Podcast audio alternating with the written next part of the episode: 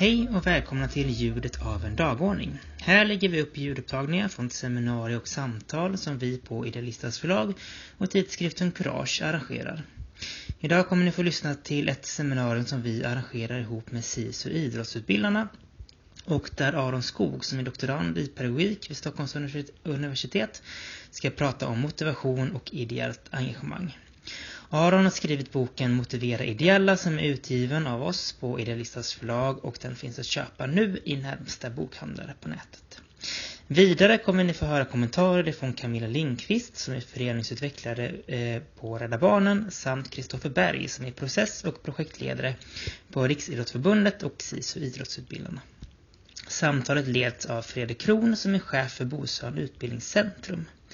Vi är väldigt glada för Aron och hans bok och för vårt fina samarbete ihop med SISU Idrottsutbildarna. Välkomna till ljudet av en dagordning. Forskarfrukost är att eh, presentera aktuell och samtida forskning som på ett eller annat sätt är relevant för idrotten. Eh, men jag ska börja en annan ända innan jag säger något mer om det. Eh, nionde elfte är det idag. Det är en rätt speciell dag. Någon som tänker på något? Berlinmuren. Berlinmuren, precis. Det finns också andra tristare saker att tänka på, kristallnatten, precis. Men jag tänkte också på Berlinmuren faktiskt. Eh, för att eh, Berlinmuren föll ju den 9.11 1989. Och det var ju till följd av ett väldigt omfattande civilt och ideellt engagemang. Eh, som ju egentligen startade många, många år tidigare. Och då tänker jag givetvis på bildandet av den oberoende fackföreningen Solidaritet i Polen. Som under sin prime hade 10 miljoner medlemmar. I det som vi en gång i tiden kallade för Östeuropa. Men 9 november är också ett annat datum det är valet av Donald Trump för två år sedan. Och Donald Trump hade aldrig blivit vald om inte han blev framlyft av en stor, stark rörelse underifrån, nämligen Tea Party-rörelsen. Sen kan man möjligen tycka illa om det, eller jag kan tala för mig själv, jag gör det. Eh, och det säger någonting om vikten av ideellt engagemang och rörelse. Och det kommer vi hantera idag, eh, dock på ett lite annorlunda sätt. Kanske inte bara prata om eh, ideellt engagemang per se, utan hur kan vi motivera ideellt engagemang och hur framförallt hur kan vi leda för att skapa ideellt engagemang och skapa motivation. Um, vi vet idag att det ideella engagemanget i Sverige är mycket stabilt. Det är väldigt internationell jämförelse stort. Eh, men vi vet också att det förändrar karaktär. Det finns en väldigt stor grupp människor som står standby, som egentligen väntar på frågan att få engagera sig. Eh, och då är ju frågan så här, hur kan vi då på ett bra sätt leda och skapa det här ideella engagemanget? Och till vår hjälp så har vi då eh, tre personer. Dels är det Aron Skog som ju är forskare eh, och doktorand vid den pedagogiska institutionen i Stockholms universitet. Och sen har vi två personer som kommer att kommentera Aron som har ett ganska omfattande civilt engagemang i sin ryggsäck, eller kunskap om eh, ideellt engagemang. Och då tänker jag på idrottsrörelsen, jag tänker på scouten, jag tänker på Friluftsfrämjandet, jag tänker på Myndigheten för ungdoms och civilsamhällsfrågor, bara för att nämna några saker. Eh, och det är Kristoffer Berg som jobbar som process och projektledare här i huset på RF Och det är Camilla Lindqvist som jobbar med förenings och organisationsutveckling vid Rädda Barnen. Det är alltså inte Anna Heimersson från STF eh, som det stod i, i kallelsen. Anna är tyvärr sjuk. Jag ska också säga att dagens seminarium då sker i samverkan med Idealistas förlag som ger ut den här boken. Och för den som vill köpa boken så kan man med fördel göra det i efterhand. Det går både att betala med Swish eh, och med kort eller att beställa den. Eh, och om jag inte missminner mig så var specialpriset 185 kronor. Ehm, jag ska också säga att det står en liten apparat här bredvid mig. Eh, vi spelar in ljudet i efterhand så kommer man kunna lyssna på seminariet och också kunna se bilderna. Och det är naturligtvis för de som också inte har möjlighet att komma hit. Eh, upplägget är så att eh, Aron kommer att inleda eh, ungefär 30 minuter och berätta om det generella innehållet i sin bok och vad det är han förfäktar där. Och efter det så kommer Camilla och Kristoffer att eh, kort kommentera det som Aron har sagt. Eh, och efter det så tar vi ett gemensamt samtal. Och jag kanske ska avsluta med att säga vem jag är. Jag heter Fredrik Kron och jobbar på RFSISU och jobbar som chef på Bosöns utbildningscentrum. Men Aron, varsågod. Ska jag stå här eller? Där är det bra att stå så kan du eh, rikta pekaren mot, Ja. Mot datorn mot datorn, ja precis. Inte mot skärmen. Nej. Ja, um, kul att få vara här i idrottsrörelsen. Jag har inte varit inne så mycket i den rörelsen tidigare men jag börjar få lite fler engagemang nu och det är väldigt roligt. Uh, och kul också att bli inbjuden av Fredrik Kron, tycker jag. För att det var faktiskt Fredrik Kron som upptäckte mig, om man får låna en metafor från musikbranschen. Jag hade skrivit en väldigt överambitiös masteruppsats och tänkte att det skulle vara kul om någon läste den. Ehm, så att jag ehm, skickade runt den lite hit och dit och sådär och det var väl inte så många som var intresserade. Men Fredrik Kron och hans kollegor på Ideell Arena där han jobbade då, de plockade upp den då. Ehm, lät mig skriva in någon bok och eh, föreläsa och så blev jag antagen på forskarutbildning och sådär, där jag är nu. Så att det var Fredrik Kron kan man säga som gjorde mig till forskare. Ehm, Men det är inte det vi ska prata om nu. Utan nu ska vi prata om eh, att motivera ideella. Det kan låta lite som en paradox. Där. Ideella är väl redan motiverade. Det är väl därför de kommer till en ideell organisation. De brinner för några frågor och sådär. Men eh, det kan vara så att det där engagemanget kan, eh, även om det finns i början, så kan det försvinna. Och det kan också stärkas. Och ideellt engagemang är ju en eh, förenings viktigaste resurs. Eller en av de viktigaste resurserna. Eller håller ni med om det? Ja. Och det är också en resurs som det verkar lida brist på. Eller konstant brist på i många föreningars och ordförandes ögon. Sådär. Varför är det ingen som engagerar sig? Vi vill få lite flera eldsjälar att komma hit, så kan folk säga. Eh, Men om man går under den där ytan och börjar försöka ta reda på hur vi ska kunna göra någonting åt det, hur vi faktiskt ska kunna bli bättre på att skapa och stärka engagemang, då behöver vi veta vilka faktorer som påverkar engagemanget. Ehm, Och det är det vi ska undersöka idag.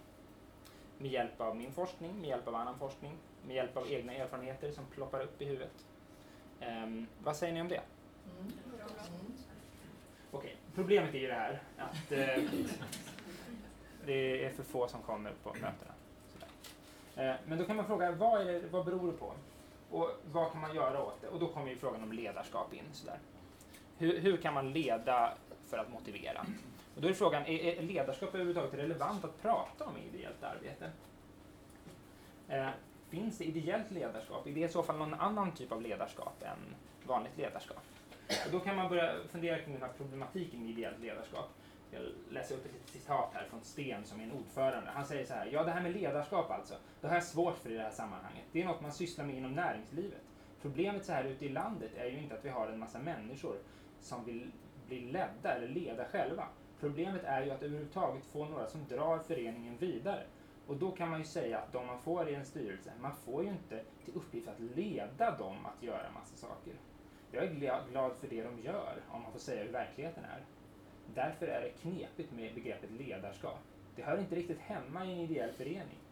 Vi jobbar väl ihop och var och en sysslar med det den är intresserad av. Alltså, i ideellt arbete i vissa sammanhang så är det liksom mer den här bilden av självledarskap. Det är det som ledarskapet är. Var och en leder sig själv. Ingen ska leda någon annan. Det är en, någon slags kritik mot hierarkier och sådär. Men då tycker jag att man kanske har missuppfattat vad ledarskap är lite grann, eller vad ledarskap skulle kunna vara. Man skulle, alltså, man skulle kanske kunna tänka sig att det går att eh, leda andra utan att man håller på att bestämma över dem hela tiden. Sådär. Och det är den typen av ledarskap som vi ska undersöka. Så här kan man definiera ledarskap om man heter Peter Northouse och är ledarskapsforskare. Ledarskap är en process varigenom en individ påverkar en grupp individer att uppnå ett gemensamt mål. Ja, men det verkar väl kunna funka. Det, det kan väl vara någon ordförande i en ideell förening eller någon idrottsledare eller någonting. Kan väl vara den som påverkar en grupp individer att uppnå ett gemensamt mål. Eh, samma sak som en chef på ett företag. Men det som skiljer kanske då mellan de olika sammanhangen är hur den här påverkan sker. Alltså, hur påverkar man gruppen? Eh, man kanske inte kan använda lika mycket så incitament och tvång och hot om straff. Ja, det kanske man inte använder så mycket på arbetsplatser heller. Men det finns ändå de här kontrakten och så som inte finns i ideellt arbete. Så man kanske måste hitta ett annat sätt att påverka. Då kan man fråga, hur gör man det? Hur gör ideella ledare för att stärka engagemanget? Så leda blir då här att stärka engagemang. Eh, kan man fråga sig. De här, det kommer upp lite här rutor med frågor. Och, eh, ibland så brukar jag ha sådana mm, sessioner där man får diskutera det i grupper och så, men det hinner vi inte här. Så ni får ta med de här frågorna. Tänka på dem själva, kanske diskutera dem i andra sammanhang. Och den här powerpointen kanske kan bli tillgänglig. Absolut. Ja. Ehm, och då så måste man ha ett teoretiskt ramverk. Ehm, och då har jag den här teorin som heter självbestämmande teorin eller self-determination theory. Det här är alltså tidigare forskning som jag utgår ifrån för att, eh, i min forskning.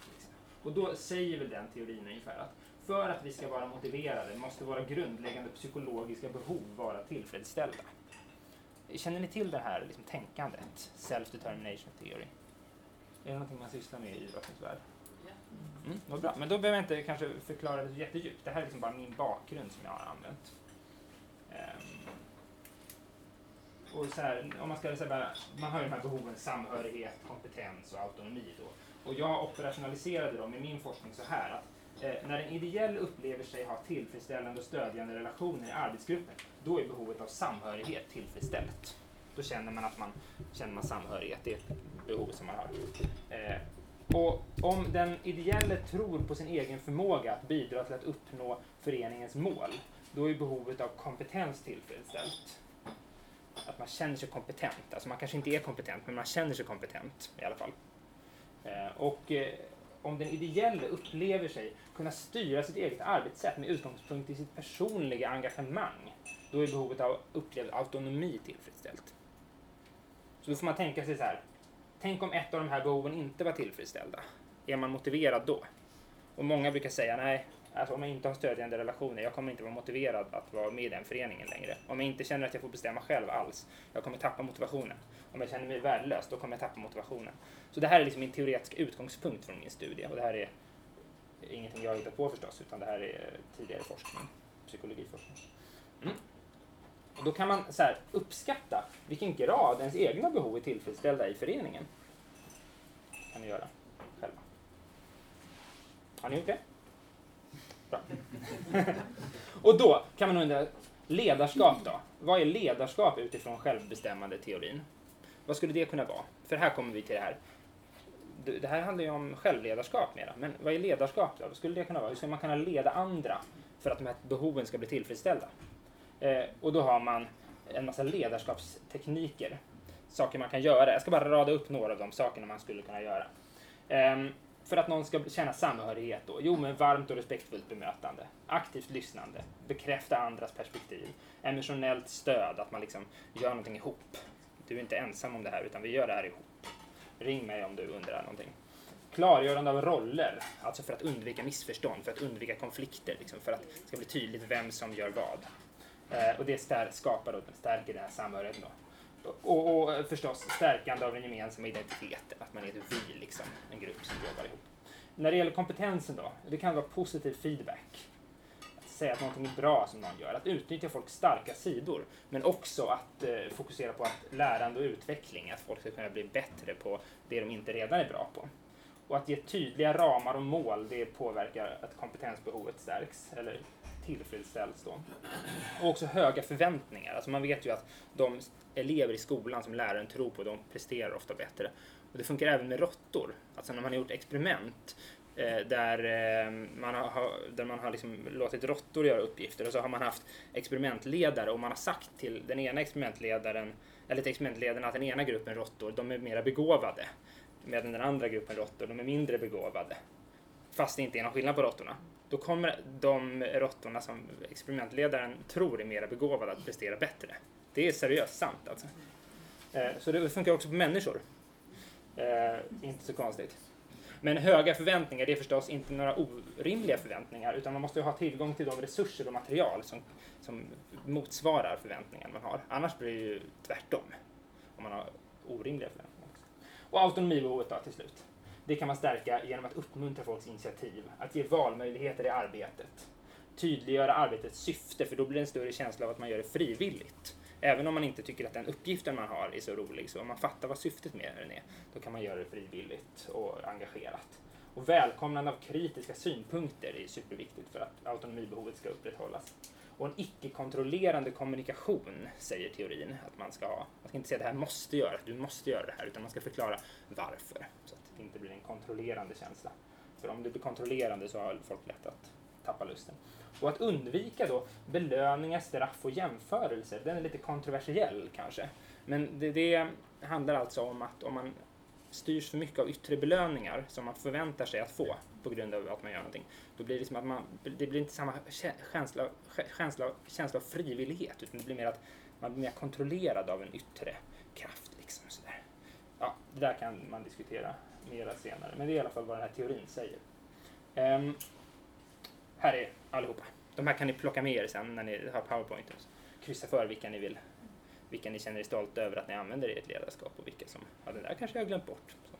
Kan också vara ett bra sätt att analysera varför, inte, varför det ibland inte fungerar. Det kanske är något av det här som saknas. Men, eh, men nu ska vi gå till min studie som jag gjorde. Det här var bara bakgrund. Jag hoppas ni har kunnat stå ut med lite bakgrund som ni kanske redan kände till. Men det är bara bra att eh, berätta om bakgrunden så att man har, vet utgångspunkterna. Den här studien, det är alltså en, en studie om ideellas ledares syn på motivation och ledarskap. Så det är alltså ingen utvärdering av folks motivation på riktigt, utan mera vad ledarna tror motiverar folk. Eh, och då så har jag ställt, jag har intervjuat en massa ideella ledare, ställt frågorna inte ställt frågorna till dem utan tittat i materialet, deras, vad de verkar ha för underliggande värderingar om vad de tror gör att folk går med i en förening, vad de tror får vissa att stanna och vad de tror får andra att lämna föreningen. Så det har jag gjort. Jag har liksom undersökt underliggande värderingar. Kan man fråga, vad tror du själv? Men det intressanta nu det är förstås vad, vad jag kom fram till i min forskning. Så, um, ehm, då börjar vi med Gudrun. Så här säger Gudrun. Folk kommer på styrelsemötena, men de gör inget. De tar inte på sig något. De bara kommer på styrelsemötena. Och det tycker jag är väldigt tråkigt. De går runt och tycker att andra ska fixa allting. Känner ni igen det? Mm. Vadå, i, är ni Gudrun då eller har ni träffat henne? ja, kanske båda i vissa fall då. Eh, men det fanns många som resonerade som Gudrun, men alla hade inte samma idéer om vad det berodde på att folk inte kom på styrelse, att folk inte tog på sig något. Eh, de hade olika idéer. Vissa trodde att det var individen som det var fel på, de var lata, det var därför de inte tog på sig något. Andra trodde att det var gruppen som det var fel på, det var en dålig grupp, man har ingen lust, man vill inte ställa upp för den gruppen för man känner inte någon samhörighet med den. Eh, det är organisationen det är fel på kanske, så här, toppstyrt, man tappar lusten på grund av det, det är så mycket byråkrati och sådär. Eller det är samhället det är fel på, ja men de har inte tid. Ehm, de har inte, det är så mycket annat som kommer i vägen. Vilken skulle ni tippa på då? Ni behöver inte svara så, men ni kan fundera på vilken är rätt. Ja, det beror på kanske. Ja, och precis. Och det kan vara olika för olika situationer och olika för olika personer som olika ledare kan ha olika uppfattningar om det här beroende på deras erfarenheter och sådär. Ehm, så jag satte ihop en fyrfältare. Det måste man ha om man ska eh, bli insläppt i akademin. Här är min då. um, ja, ja um, fyra olika sätt att resonera. Då. Uh, livspusslet, ja men det har att göra med just att man, samhället, man har inte tid. Uh, det gäller bara att få ihop, få ihop tillvaron, då kan man vara motiverad men annars kommer man inte vara det. Sakfrågorna i fokus, ja det handlar om är man inte tillräckligt engagerad i sakfrågorna, om man är, eller om man är engagerad men inte får till eh, något genomslag, då tappar man motivationen. Liksom. Det, är det, det handlar mycket om frågorna man jobbar med. Gruppdynamiken, det är lite det här, det handlar om gruppprocesserna. Är gruppen dålig så blir man omotiverad. Är gruppen bra så blir man motiverad. Och beslutsprocesser, det är mera organisationsnivån då. Um,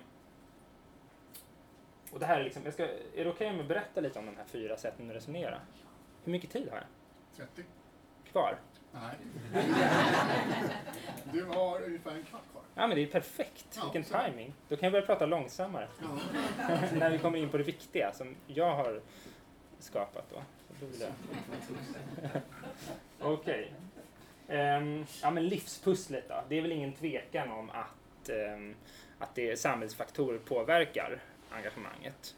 Alltså, uh, ibland så har man för mycket annat och då hinner man inte engagera sig i föreningen. Så det är väl inte så konstigt då. Eh, vi ska berätta, jag ska dra, dra ett citat här. Åke, han säger så här att så går de upp klockan fem på morgonen och så lämnar de barnen halv sex på fritids och så går de på dagis och så småningom i skolan. Och sen kommer de hem vid sextiden och för att de där barnen ska gå upp klockan fem måste de ju gå och lägga sig klockan åtta. Jag har en känsla av att det blivit ganska hårt för yngre mot vad det var för 20 år sedan. Så det här är alltså en idé inte bara om att samhället ställer höga krav, höga krav på sig utan att det har blivit värre.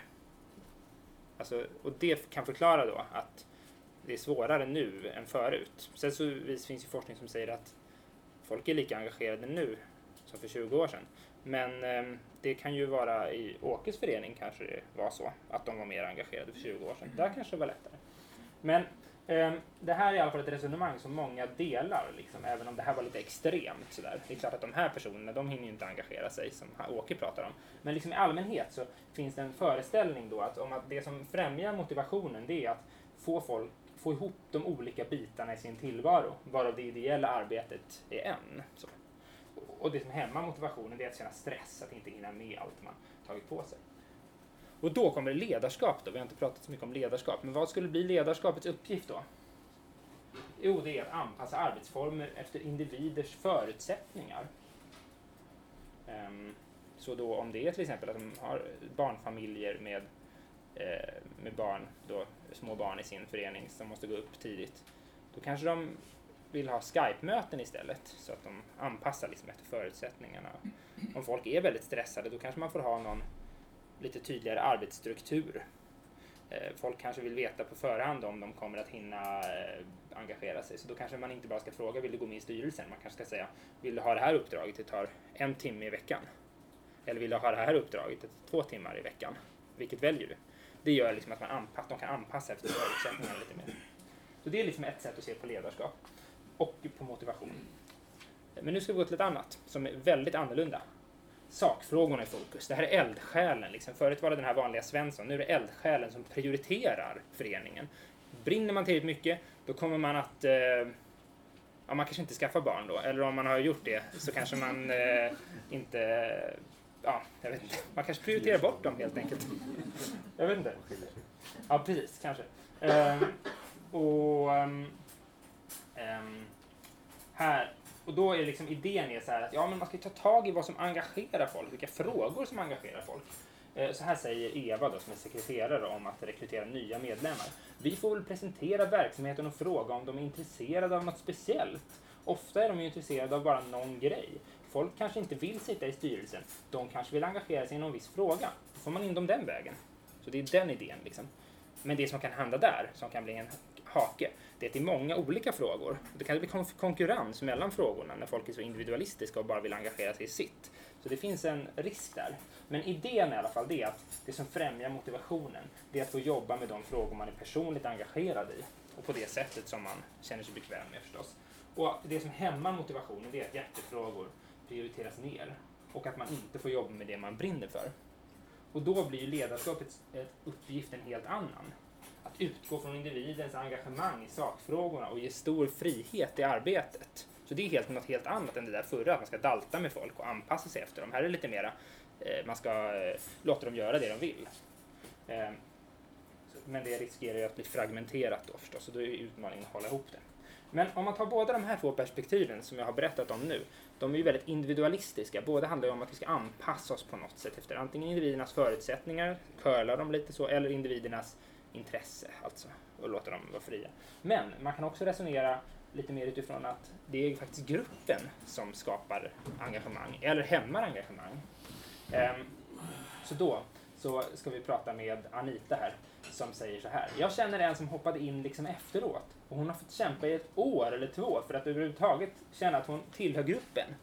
Tänk då, Eh, hur, oberoende av hur engagerad hon är i sakfrågorna och oberoende av hur mycket tid hon har, den här personen som Anita pratar om, eller och, ja, eh, den här personen um, Tänk, eh, kommer hon engageras? Nej, förmodligen tappar hon ju engagemanget för att hon får inte vara med. Liksom. Hon blir exkluderad.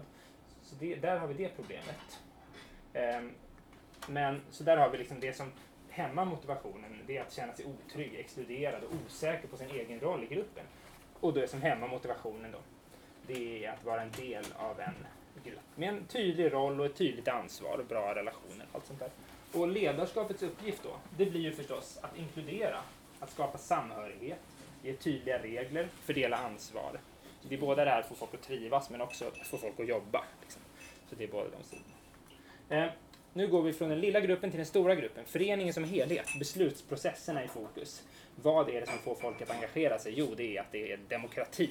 Det är bra demokratiskt. Och det som får folk att tappa eh, engagemanget är att det är odemokratiskt. Och här, så här säger Lennart då, han säger jag kan ju inte bestämma eller det är klart, jag kan bestämma, men jag vill inte bestämma. Jag vill att vi ska vara överens, för då har alla ansvar att fullfölja de intentioner de har. Så det här är idén om att det är demokratin som stimulerar motivationen. Och bristen på demokrati hämmar motivationen. Eh, så det som främjar motivationen är att känna delaktighet och inflytande i beslutsprocesserna. Det som hämmar motivationen är att bli kontrollerad och att inte kunna vara med och påverka. Och ledarskapets uppgift det är att organisera diskussioner och demokratiska beslutsprocesser. Eh, känner ni igen eh, den här bilden? Några blinda män kom till en elefant och de kunde ju inte se vad elefanten, att det var en elefant utan var och en såg olika saker. En såg en orm, en såg en spjut, en såg en vägg och ett träd, ett snöre och så vidare. Eh, och det här är lite, det här är ju lite så här en bild av hur de här olika perspektiven riskerar att komma i konflikt med varandra. De riskerar att krocka med varandra om folk ser samma verklighet men inte bara ser utifrån sina egna förutfattade meningar.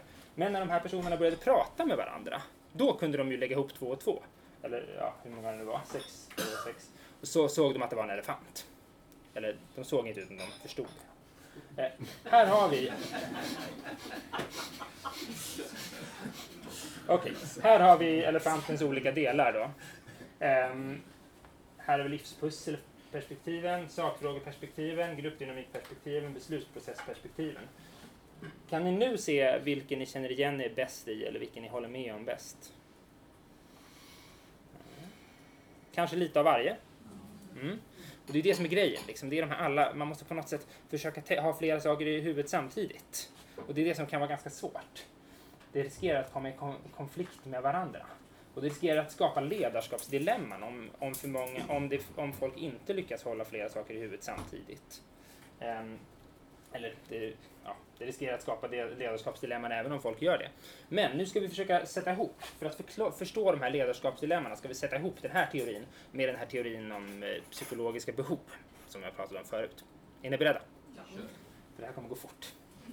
Um, om vi tittar på den här tanken om livspusslet som förklaringsmodell, då handlar det ju, verkar det handla om att tillfredsställa kompetensbehovet, eller hur? Det verkar handla mycket om det, genom att motverka stress.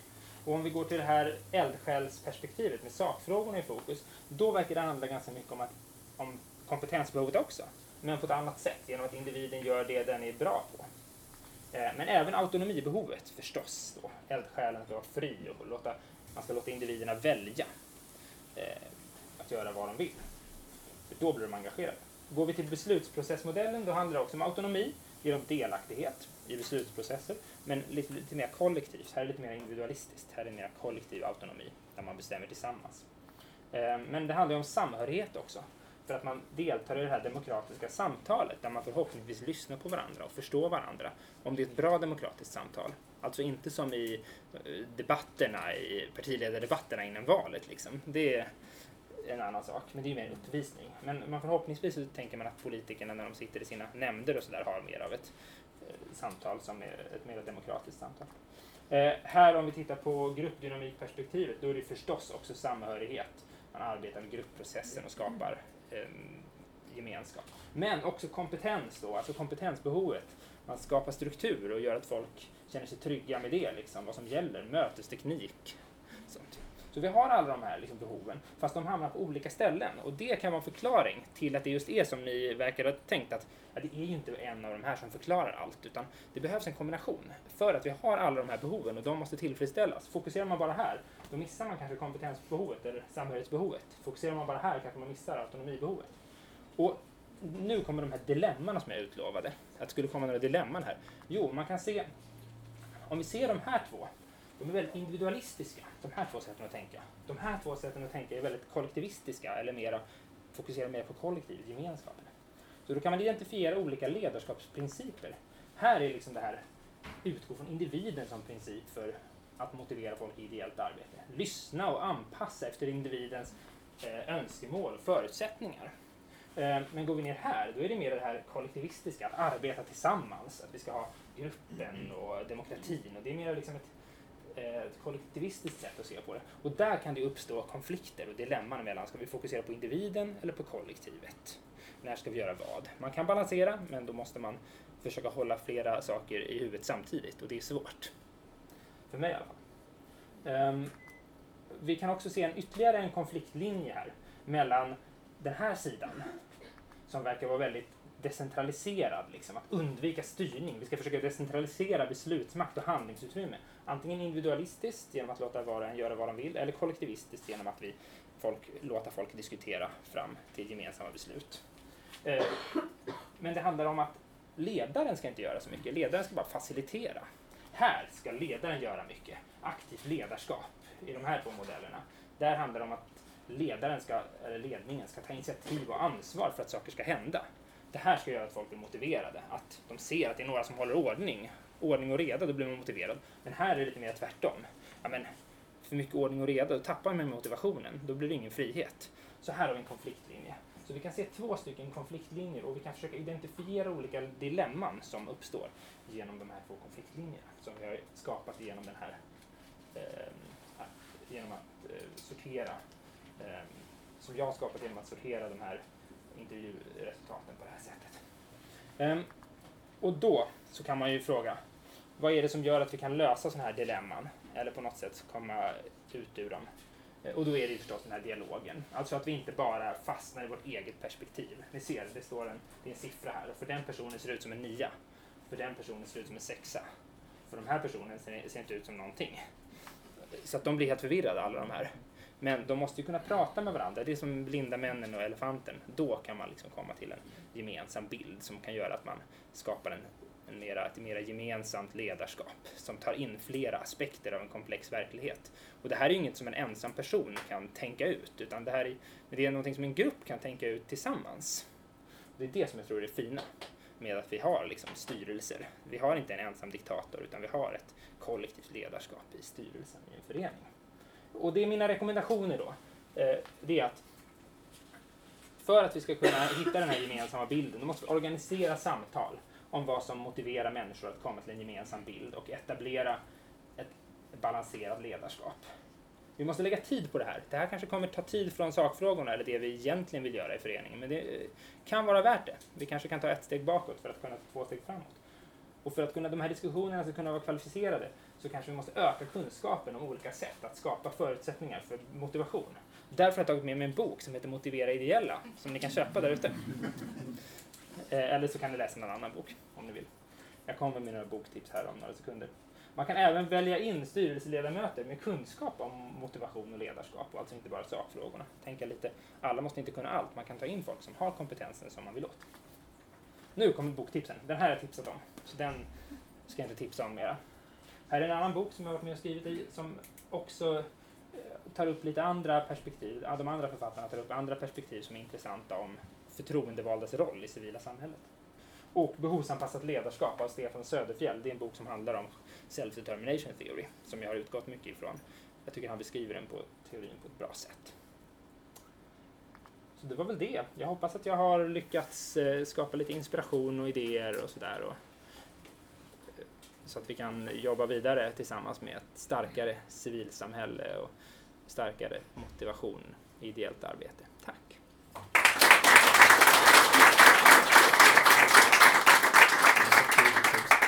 Du får sätta en stund. Tack. Lysande Aron. Eh, då ska vi se, då kan vi nästan göra... Ja, jag tror vi gör så här. Vi släpper ner de här så slipper vi ha dem framför oss hela tiden.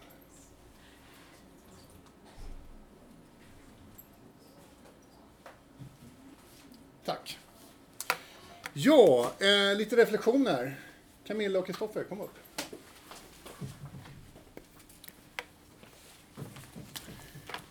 Ja, nu ju Aron på 30 minuter förklarat Settler Nation Theory, gått igenom sin egen forskning och anpassat den i eh, verkligheten. Kommentarer på det? Ja, precis. Det är bara att gå ut och göra. Ja. Jag börjar med dig Camilla. Eh, ja, alltså jag tyckte det var jätteintressant att läsa. Man har ju som brottats, jag har jobbat eh, både ideellt och eh, nu som jobb med ideellt engagemang och ledarskap. Eh, och jag tycker det var ju en del pusselbitar som föll på plats. Eh, framförallt i den här eh, liksom, eh, skärningspunkten där i dilemmat när man liksom rör sig eh, kring de olika områdena. Och, och jag tycker det var en del eh, liksom, eh, aha-upplevelser. Varför saker hade funkat och varför saker inte hade funkat. Eh, men jag landade väl ändå i liksom att ja, men det beror på vad olika det kan vara. Jag tog med mig några tankar och det, det är liksom att jag tycker att vi ofta blandar ihop det här eh, utifrån boken, det här med aktivt ledarskap och att vi lätt glider in i att det är samma sak som auktoritärt ledarskap. Alltså att, som Sten säger, att ja, men det är liksom ingen som vill vara med, jag vill inte leda. Eh, och att man att vi inom ideell verksamhet ibland skyggar undan för att det kan finnas ett behov av att samlas kring en gemensam idé. Eh, ledarskapets roll i att liksom lyfta blicken eh, och att tillsammans samla oss kring idén och gå framåt mot ett givet mål som vi bestämmer tillsammans. Eh, och istället kan det bli att man sitter liksom och, och väntar på att ja, men det är ingen som kommer och engagerar sig. Och jag tänker, jag vet inte hur det är för er, men jag har liksom aldrig varit med om, eh, eller väldigt sällan varit med om att det har kommit människor som har sagt att så här, hej jag har eh, några timmar över, jag skulle vilja bli engagerad, engagera mig. Alltså det, det händer ju väldigt sällan, utan människor kommer ju in och brinner för någonting som man liksom måste omvandla tillsammans till en, liksom en kraft framåt. Och där ser jag liksom att ledarskapet som ett sätt att möjliggöra de här processerna tillsammans. Um, men sen att få ihop de här individuella drivkrafterna, eh, de individuella behoven med liksom det här gemensamma för organisationen, det är klart det är svårt. Men jag tycker vi ofta landar i sådär att bara vi får till Skype-möten så kommer engagemanget att falla på plats. Och det är inte riktigt det det hänger på. För när vi tittar på vilka som engagerar sig så är det ju de som har ganska fullt upp i livet redan ändå. Eh, så det är ju uppenbarligen inte bara en fråga om, om tid. Och jag tänker det blir så uppenbart. Jag har eh, i höst blivit idrottsförälder. Så himla roligt. Eh, och, och, och det bemötandet som jag har fått, liksom där, där de välkomnar, hej, välkommen. De kommer ihåg mig, ledarna kommer ihåg mina barn. De ringer och påminner, nu är det dags för den här aktiviteten. Vill du komma och vara med här? Alltså det i sig är ju en ganska liten del, men, men jag tror det kokar ner till den här känslan av att vara behövd, känna ett sammanhang, eh, att någon saknar en om man inte är där. Alltså det, det, är inte alltid så himla... Ibland glömmer vi och vill liksom gärna liksom bygga en massa lösningar. Jag tänker också att vi ibland skyggar för egenintresset. Alltså vi skyggar för människors egenintresse i det ideella engagemanget. Eh, jag jobbar just nu på Rädda Barnen. Eh, men jag jobbade fram till i maj eh, med på Friskis och Svettis med ledarskap och organisationsutveckling. Och där var det ju väldigt tydligt att, att människor kommer med en lust och önskan om att få dela med sig, få leda träning, eh, få dela med sig av sin rörelseglädje till andra. Eh, och har liksom ganska, ja men stundtals ganska så här individuellt behov och önskan om att få vara med. Folk gillar, väldigt många, väldigt rolig rörelse att jobba i. Väldigt många som liksom gillar att stå i centrum och ta för sig och, och att det är helt okej. Det är liksom uppgiften där. Att vi ibland blir lite sådär falskt blygsamma. Nej men inte ska väl jag och varför skulle jag och vad ska jag få ut av det här? Att jag ska komma med min tid och liksom bara göra saker bättre för andra. Och det ena behöver inte motsätta det andra. Det behöver liksom inte vara en motsättning mellan att jag vill faktiskt få ut någonting av det. Det handlar inte om pengar, det handlar inte om status, men det handlar just återigen om att ja, få ett sammanhang och, och, känna att man hör till. Att man gör någonting man är bra på. Få bli lyft liksom. Det var sånt jag, det var det jag reflekterade kring. Tydlighet och långsiktighet.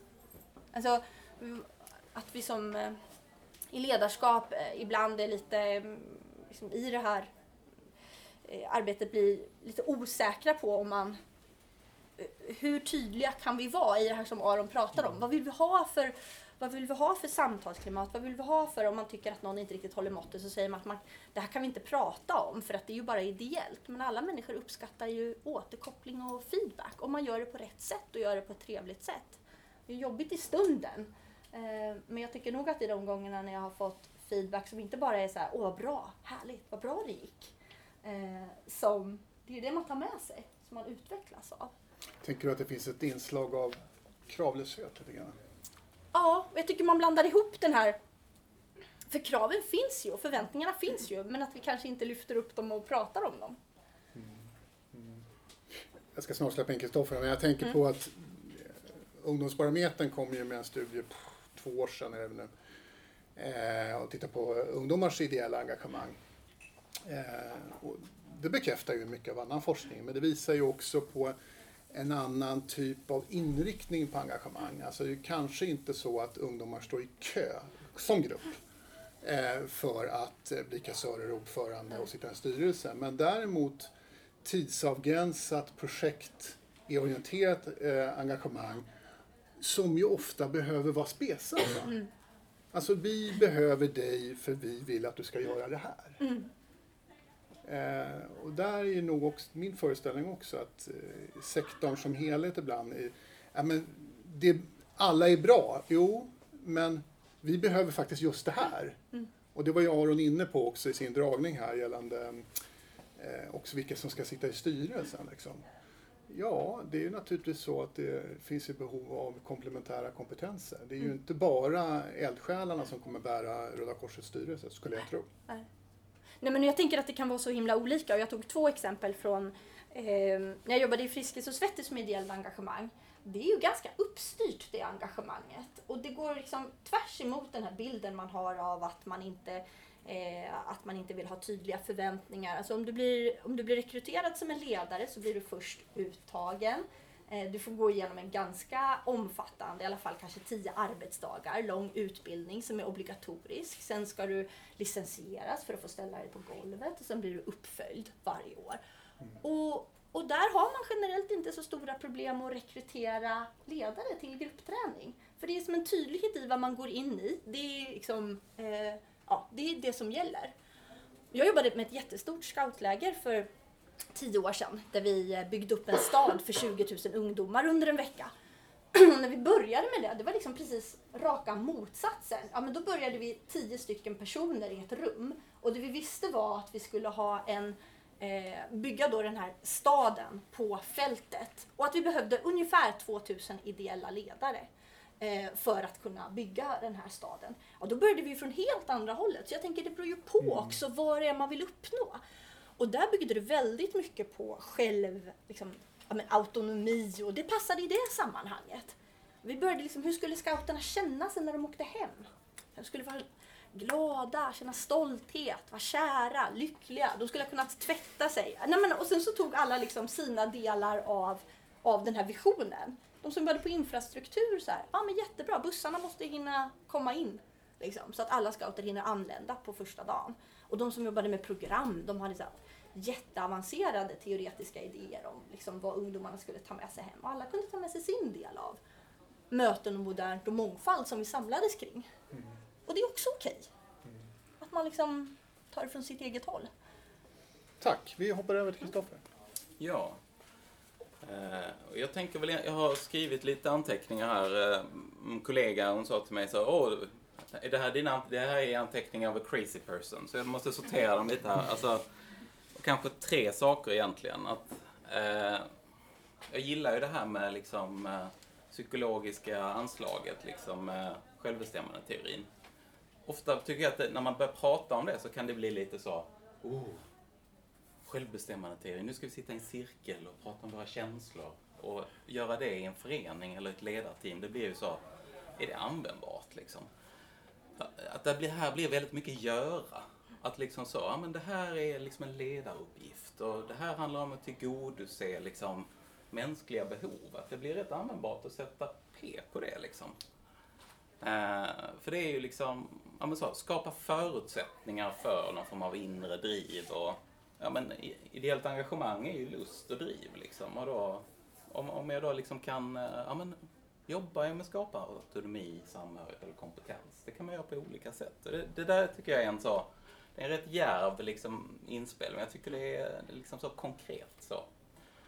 Eh, och sen tänker jag lite kring, eh, jag har ju haft liksom ledaruppdrag så, med så, 15-16 års ålder på olika sätt, liksom, med tränare eller i styrelse och sådär. Ett år tillbaka, vi kanske liksom är i samma livsera, så eh, klev jag in och bli eh, så klassiskt. Är det någon som kan vara hjälptränare i fotbollslaget?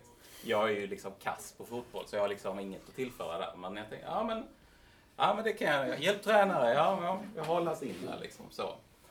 Eh, och sen då balansen så, ah, kanske inte, vad händer om man outar så? Ja, vad gör du? Ja, jag jobbar på RF SISU, processprojektledare. Jag jobbar med att utveckla tränarutbildningar ibland så den där kommer nog bli en krock kring liksom vad så arbetsbördan liksom så bra eller en förväntan så. Då ska du komma in här och göra och styra bestämma och styra upp. Mm.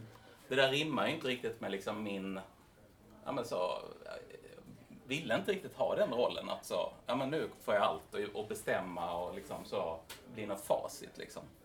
Så jag klurar ju lite på att, ja men nej okej, okay jag får liksom eh, vad är good enough i det här liksom? Så, ja, men jag kan se saker och liksom agera.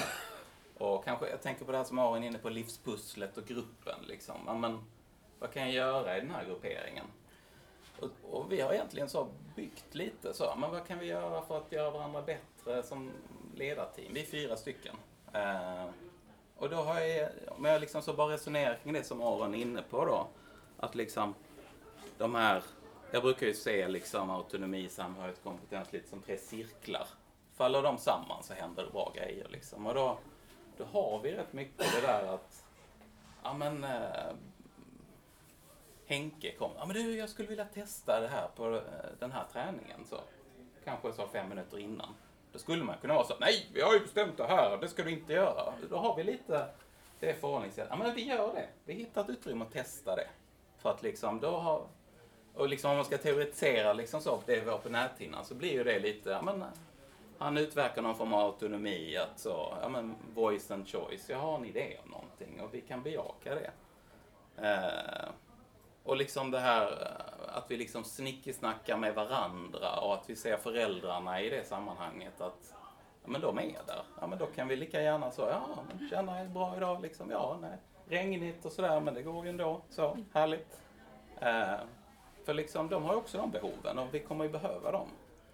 Eh, och så tänker jag det här med det där eftersnacket som blir. Liksom, att så, vad funkar bra idag? Att man liksom tar sig tid till det. Kanske i synnerhet för Henkes del då som kanske, ja men jag testar den här stora stygga vargen-övningen. Liksom så, eh, jobba med, med boll i, eh, där hålla bollen i cirkeln och någon går in och jagar. Liksom så. Ja, men det föll rätt så väl ut. Liksom så. Ungarna gillade det och det var hög aktivitet och de liksom hade kul när de gjorde det de ska.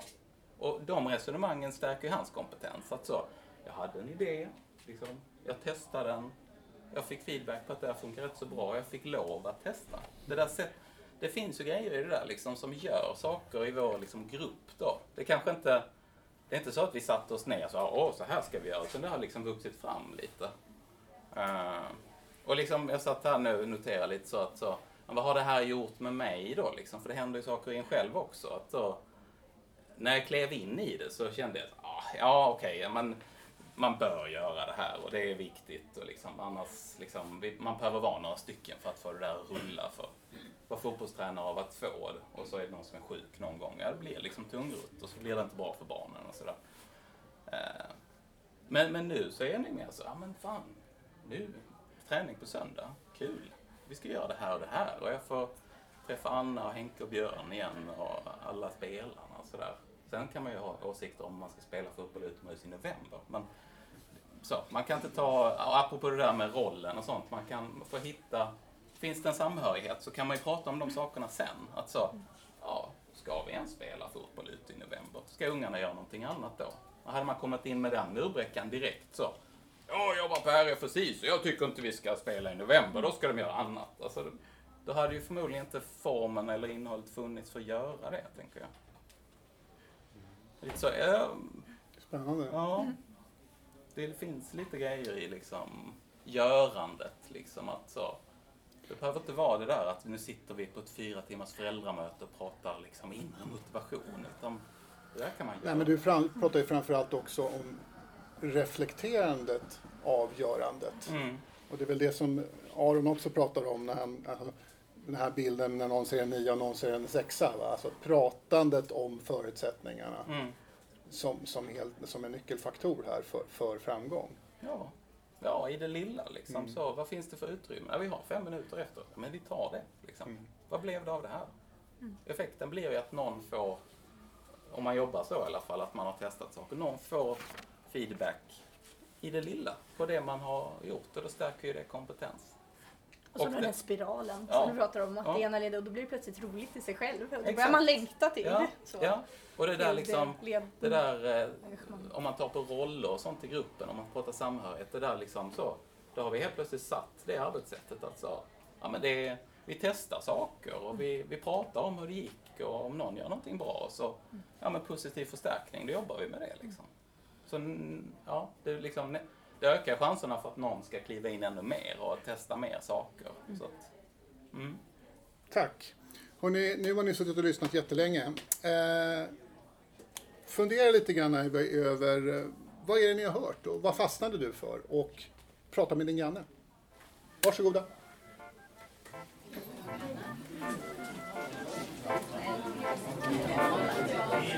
Thank